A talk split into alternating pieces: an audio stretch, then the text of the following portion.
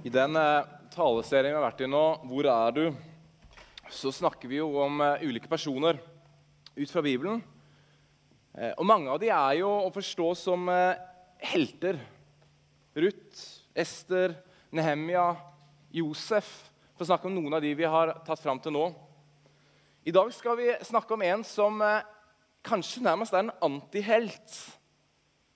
Som jeg mener det snakkes altfor lite om utover det en får med seg som barn. Ofte er det nesten sånn at Du hører om Jonas som barn, og da hører du mye.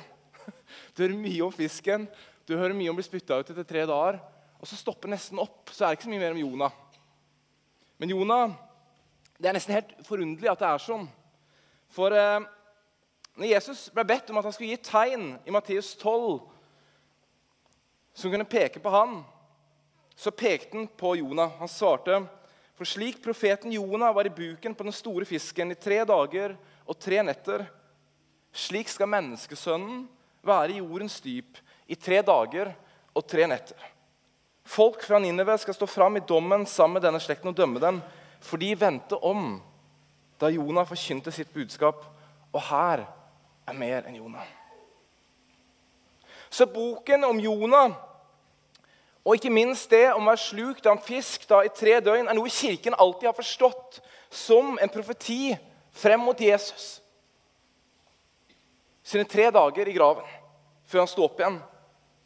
Når det kommer til å tale over boken Jonah, så har jeg kommet til en bok som jeg nærmest står i ærefrykt overfor.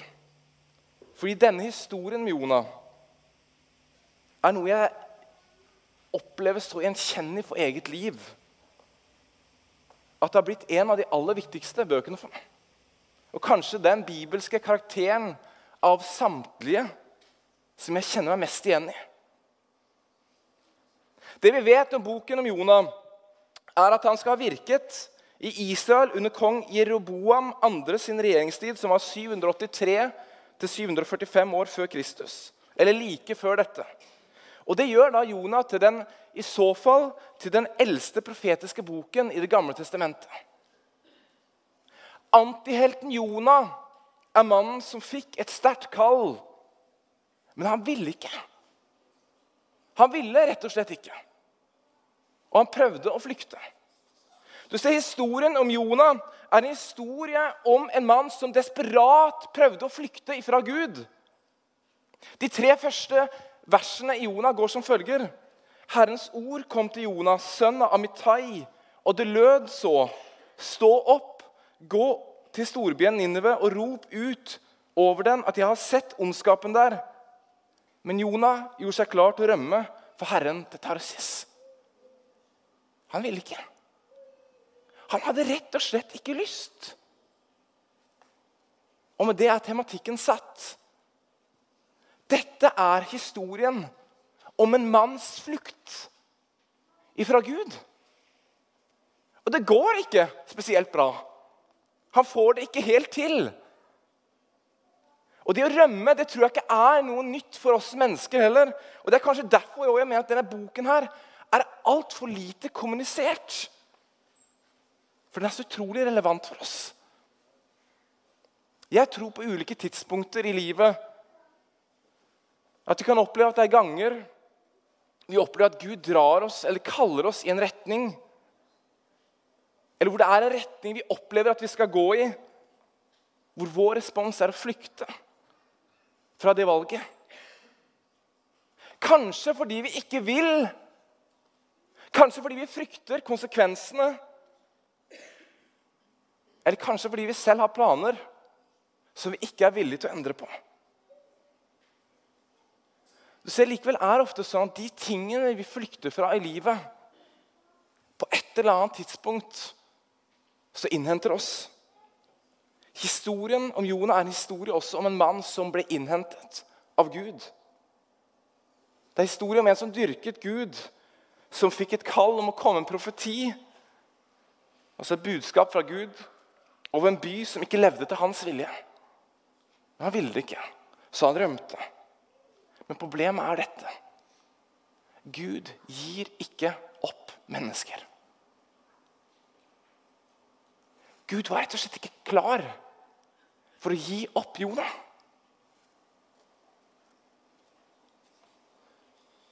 Og det kan få et utslag i mitt liv. Og det kan få et utslag i ditt liv. Det kan være så enkelt at du flykter ifra Jesus. Og du ikke har svart på forespørselen hans om å følge meg, om å følge han. Fordi han er en interessert i å bli en del av ditt liv. Han kommer ikke til å gi deg opp. Eller det kan være at det er valg du opplever at du skal ta, men du unnviker av en eller annen grunn. Kanskje fordi det er så enkelt som at du vil ta et annet valg. Du vil heller noe annet. Denne historien forteller likevel om en Gud som bare ikke gir deg opp. For et par uker siden, så mot slutten av en av gudstjenestene Nei, det er kanskje blitt tre-fire uker siden.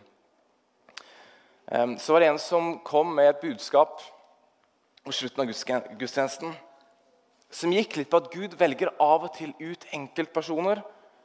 Av og til plogspisser til å gå i spissen. Til å gjøre en oppgave til noe spesifikt. Men så har vi som i vårt samfunn eh, så lett for å legge en demper på dette fordi det utfordrer likhetstanken i vårt nordiske samfunn. Historien om Jonah er historien om en gud som velger enkeltpersoner til oppgaver. Og han slipper de faktisk ikke, selv om de flykter. Han gir de faktisk ikke opp. Det er jo helt tydelig at Gud ønsket å bruke Jonah på tross av hans egen motvilje. Og Jonah er jo langt ifra den eneste dette gjelder. Gud bruker enkeltpersoner gjennom hele Bibelen. Noen går først og er motivert for oppgaven. Men tydeligvis er det også noen som er svært lite motivert for oppgaven. Som ikke har lyst til å gå først. Men Gud fortsetter å søke dem. Og fortsetter og fortsetter og fortsetter. Så like så mye som Jon er en historie om en mann som desperat prøver å flykte fra Gud, så er det en historie om en Gud som ikke gir mennesker opp. Han gir ikke mennesker opp.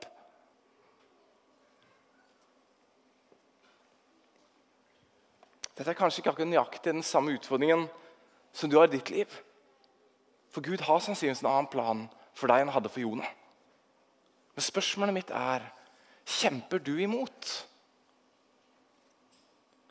Er det noe sted i livet ditt hvor du vet her kjemper jeg imot? Jeg vet det går noen underliggende strømmer. Jeg vet det er valg jeg burde ha tatt, men jeg klarer bare ikke. Jonah rømte først på en båt. Så sendte Gud en storm. De som var om bord i båten, trakk lodd om hvem som først, hvem som var skyldig i uværet. Loddet falt på Jonah. De forsto at han hadde flyktet fra sin Gud, og de hev han motvillig over bord. Og Her må jeg merke ordet 'motvillig'. Fordi når, når det loddet falt på Jonah, så forklarte Jonah situasjonen og sa det er min feil, hiv meg over bord. Men de gjør ikke det umiddelbart. De begynner å kjempe imot, for de vil jo ikke hive denne personen over bord. Det er galskap midt i en storm. Men etter hvert så gir de da opp, og de hiver den over bord. Jonah blir svelget av en hval, er der tre dager før han bestemmer seg for å vende om. Og Han kalte på Herren, og Herren spytter han ut på en strand. Eller det står vel egentlig ikke en hval, det står en stor fisk. hvis ikke jeg tar helt feil. Så hvor er det Jonah? Om det ikke av en eller annen grunn flykter fra Gud og det han har kalt deg til å gjøre. Du vil ikke. Så nå kunne jo det med god grunn Jonah har sett at jeg er kalt til å bli brukt til noe. Gud ønsker å bruke livet mitt til noe spesifikt. Gud ønsker å bruke livet mitt til å redde denne byen. Men det står faktisk at Jonah mislikte det. For Til slutt så gikk han motvillig til Ninive og, og ba de, sa dette budskapet som Gud hadde bedt dem å, å, å si. Og de vendte om. Og så står det at Jonah mislikte dette. Han mislikte det sterkt. Og han sier det var derfor jeg, ikke, jeg, vet, jeg vet at du er nådig og barmhjertig Gud. Derfor flyktet jeg til Tarsis. Jonah flyktet til Tarsis fordi han visste Gud var barmhjertig og nådig. Og Han ber nå Gud heller om å få dø enn å få leve. Og trolig fortsatt i sinne så går Jonah ut av byen, bygger seg en hytte, og det vokser opp en busk over hodet hans som skygger for sola. Han var sur, han var frustrert. Han satte seg under der. Han var ikke, han var, synes, han var ikke særlig glad. Så sender da Gud en østavind som dreper denne planta. Og Jonah blir på nytt frustrert og ber om å få dø. Det er nesten som Jonah er nærmest en tragikomisk fortelling. For han er så pessimistisk. Men likevel Gud gir han ikke opp. Gud har pekt den ut til noe spesielt, og Gud gir ikke Jonah opp.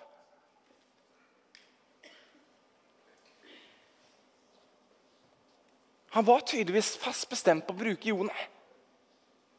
Om det var et eller annet ved Jonah han trengte, eller om det var Jonah som han opplevde trengte denne opplevelsen, det står det ingenting om. Men Gud gir ikke mennesker opp.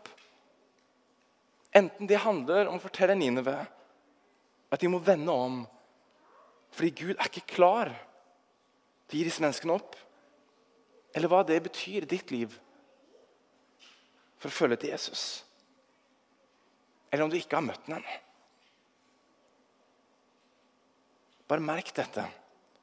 Det at du viser motstand, det at du prøver å rømme, eller har gjort det tidligere i livet, det betyr med andre ord ikke at du er diskvalifisert.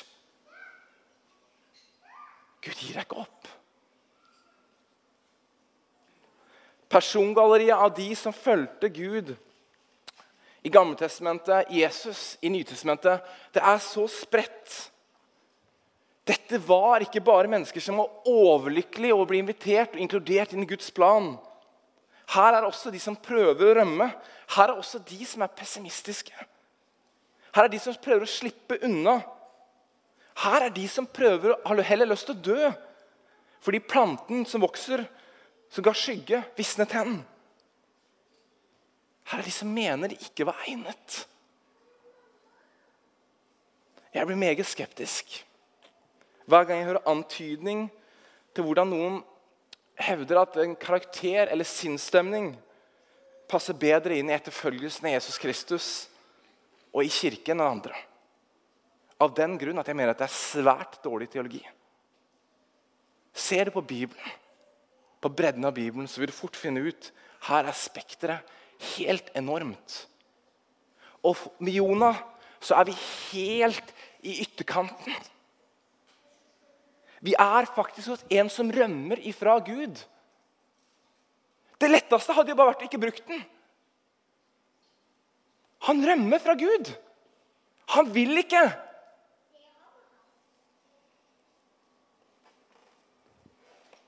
Han vil heller bli hivet ut av en båt i en storm han vil heller bli svelget av en hval. Han vil heller dø.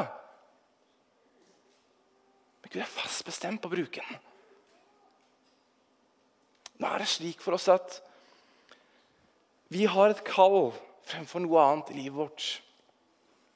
Og det er å følge etter Jesus Kristus.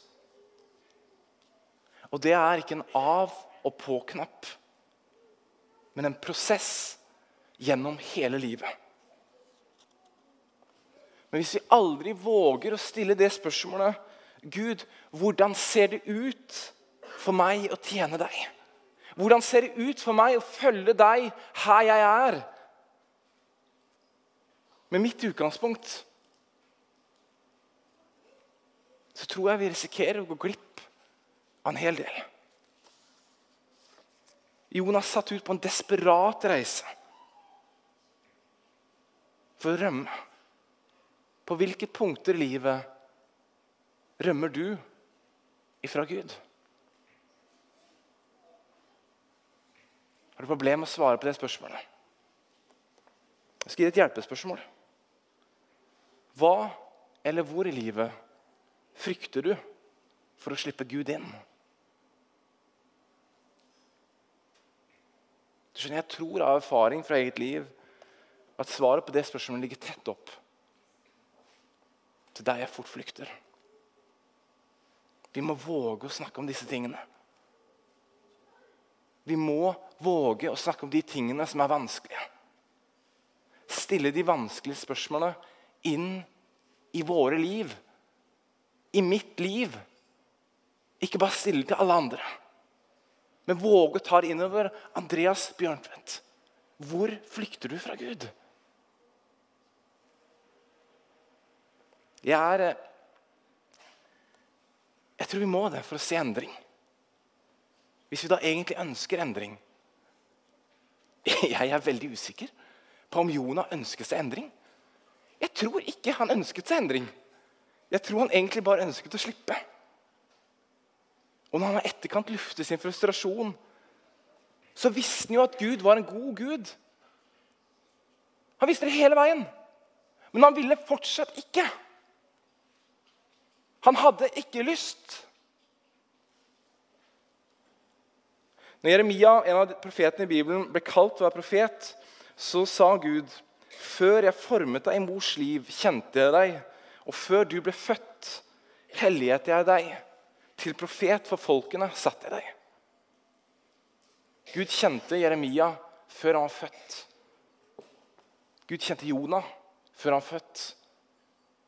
Og Gud kjente deg før du var født.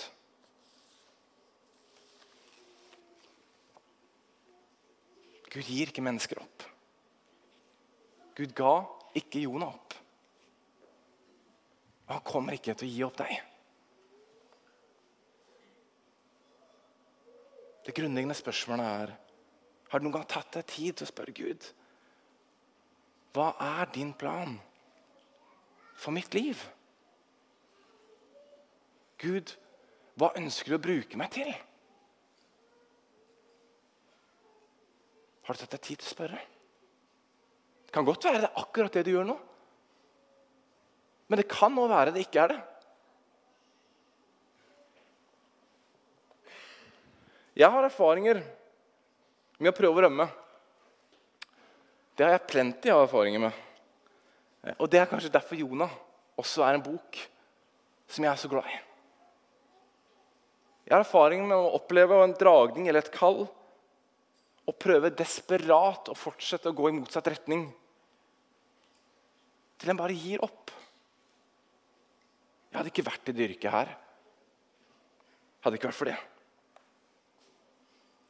Men det betyr ikke at det yrket her er mer hellig enn noen som helst annet yrke. På ingen måte. Ikke mer hellig enn lettrykkeryrke, vaskedamyrke, finansanalytiker, sykepleier, rørlegger. Det finnes ingen yrker som er mer hellige enn et annet. Spørsmålet er er du der Gud vil ha deg. Bruker du de gavene han har lagt ned i deg? Har du noen gang våget å stille spørsmålet?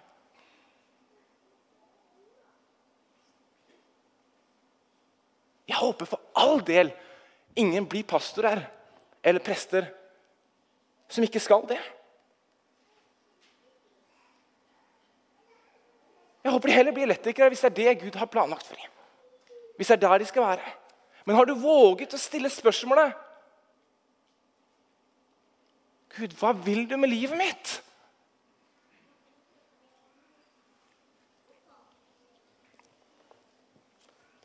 Jeg har hørt eh, sagt at vi som pastor og prester har verdens mest meningsfulle yrke. Jeg ser faktisk ikke slik. Jeg tror du har det der du er, hvis du er der du skal være. Hvis du bruker de gavene han har lagt ned i deg. Hvis du har våget å stille deg spørsmålet Gud, hvordan skal jeg bruke mitt liv?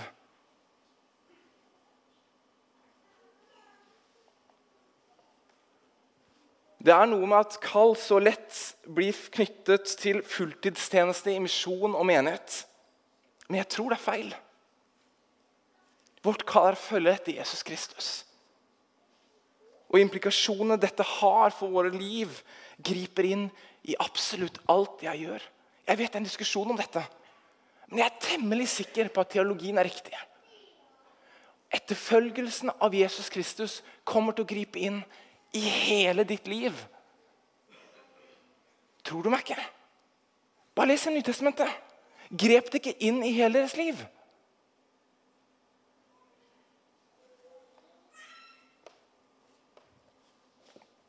Vi må klare å komme oss vekk fra den tanken om at et kall betyr en fulltidstjeneste.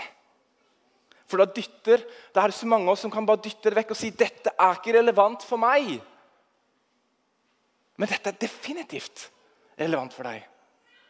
Hva vil det si å følge Jesus Kristus der du er i dag? Hva vil det si?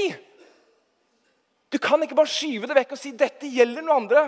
Det er derfor Andreas da sa det gjelder ditt liv. Hva vil det si å følge Jesus Kristus?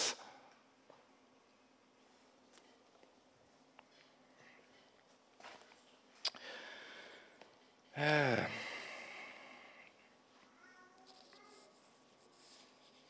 Ja, som, som det sikkert ser, så For meg så opplevde jeg etter hvert at det var å, å holde på med det jeg holder på med. Eh, for det kan være noe helt annet. For der kan, det sannsynligvis noe helt annet. Men våg å stille spørsmålet. Og så tror jeg også det er en misforståelse at Gud ikke kaller oss til ting i livet som vi ikke vil. Jeg tror definitivt at Gud kaller oss til ting i livet som vi av og til ikke vil. Han utfordrer oss på komforten. Det er noe av det Jesus forbereder disiplene på når de følger han. Ja, nå jeg glemte å skrive ned hvor det, hvor det her var tatt fra. Men ok, men i hvert fall en av, en av de som sier de følger Jesus, så svarer han dem. mens de gikk der på veien, var det en som sa til ham, 'Jeg vil følge deg hvor enn du går.' Og Jesus svarte, 'Revene har hi, himmelens fugler har rede.' Men menneskesønnen har ikke noe han kan hvile hodet på. Høres det ut som det ikke kommer til å være utfordrende? Nei, det vil være utfordrende.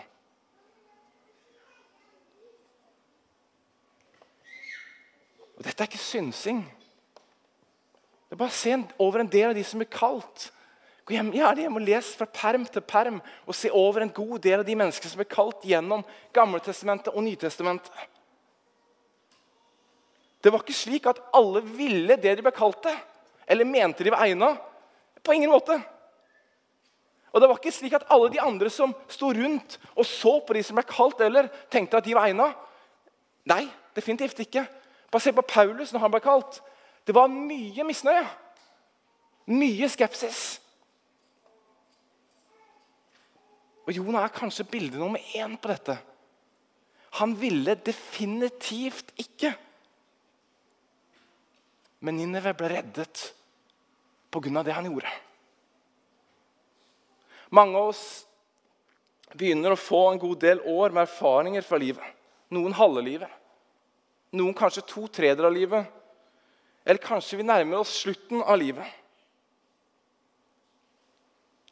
Jeg tror vi trenger å bli minnet om disse historiene. Uavhengig hvor vi er i livet.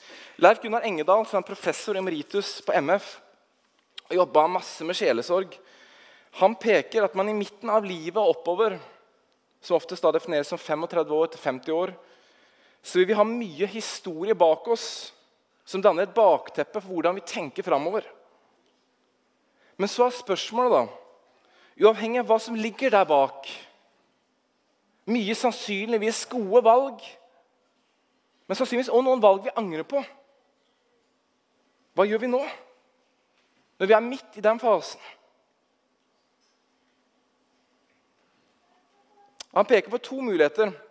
Enten åpner jeg meg for nye muligheter og oppgjør, eller så havner jeg ned i en defensiv resignasjon, som er den snikende følelsen av å oppgi troen på at livet er meningsfullt.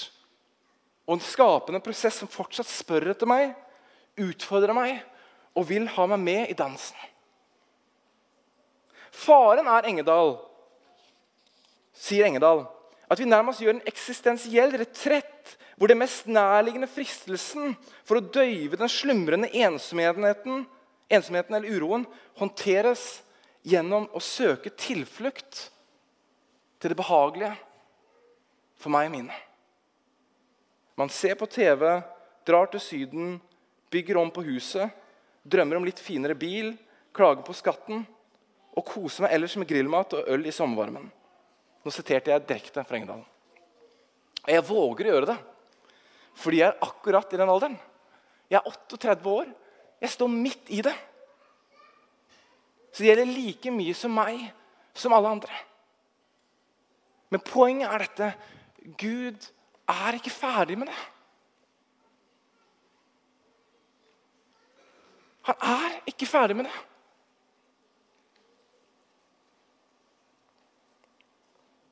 Uavhengig av hva som ligger bak.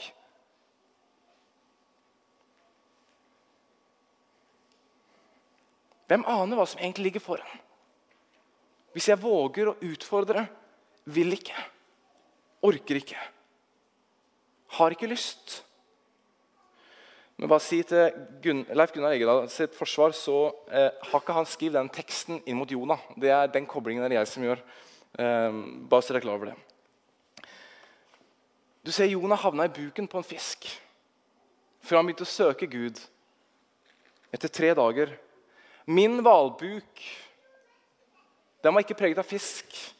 Den var preget med uro og tungsinn. Og at jeg etter hvert satte en retning på livet som jeg opplevde at jeg ikke skulle. Som ikke var det beste for meg. Hva er din hvalbuk preget av? Hva er det i ditt liv? Hvordan kjennes det ut? Hvis det er områder da, hvor du bevisst har valgt annerledes. Jonah visste veldig godt hvor han rømte ifra Gud. Han fortalte de på båten akkurat hvorfor det var storm. Kanskje er du også på et sted i livet der du egentlig vet at du rømmer ifra Gud, og du vet hvorfor. Og det er ikke nødvendigvis fordi du har gjort noe galt, men kanskje fordi du merker det ligger et eller annet mer rett under overflaten som du skulle ha tatt tak i med livet ditt. Hva hvis du gjorde det? Hva hvis du orket? Hva kunne det ha betydd? Eller kanskje ikke. Kanskje alt er i skjønneste orden, og at det ikke finnes noe sted hvor du flykter fra Gud. Det kan godt være. Det kan godt være Du er i en veldig mye bedre posisjon enn det jeg var. Og er. Historien om Jonah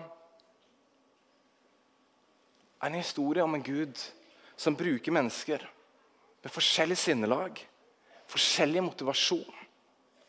Men han ser ikke ut til å gi dem opp. Og når Jonas sitter helt på slutten, sur fordi Gud har drept en resinusbusk som han fant skygge under, så kom Guds kjærlighet for hvert enkelt menneske tydelig fram. Da sa Gud til Jonah, 'Er du virkelig sur?' Nei, sint pga. resiniusbusken. Han svarte, 'Jeg er så sint at jeg kunne dø.'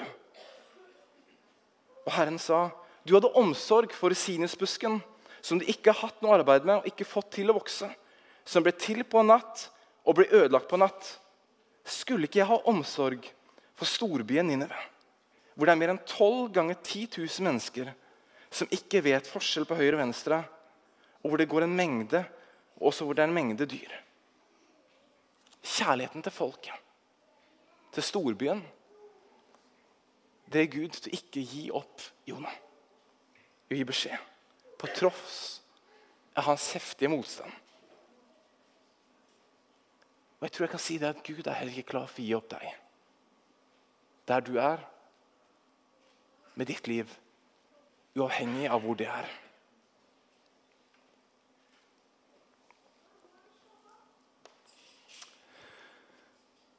Det er noe nydelig med den historien Jonah, det er jo at den, Jeg elsker jo at den faktisk, hele boken tror jeg, hvis ikke tar feil nå, avslutter med et spørsmålstegn. Det er akkurat som boken vil få deg til å tenke.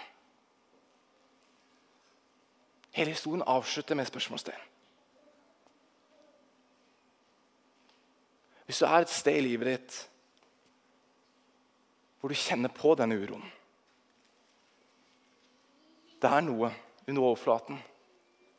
Det er noen strømninger.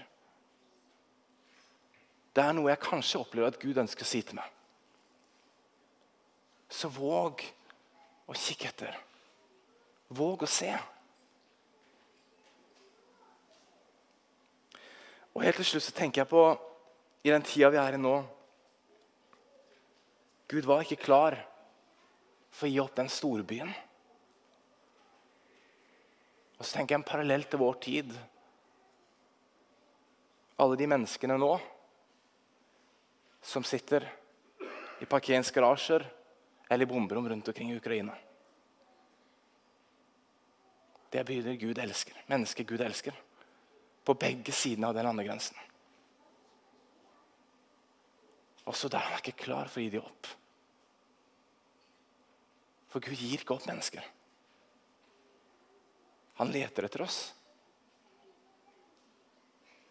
Han ønsker å ha oss tilbake. La oss be. Kjære Jesus, takk for at du elsker oss. Takk for at du elsket Jonah, og du bare nekta å gi opp. Og takk for det eksempelet det er i at eh, jeg kan være meg. Mine positive sider og mine negative sider. Og fortsatt se at du kan bruke folk som ikke alltid glitrer. Men folk som ikke vil, folk som ikke har lyst, folk som prøver å flykte. Men du elsker dem. Kjære Jesus, nå ber jeg deg for hvis det er noen her i dag som kjenner på det er et eller annet i livet mitt som jeg ikke har tatt tak i. Så jeg ber om at du må hjelpe til å Hjelpe oss til å se etter. Hva er det der, Gud? Hva er det eventuelt vi ikke har tatt tak i, som du kaller oss til? I vår etterfølgelse av deg, som er vårt kall. Amen.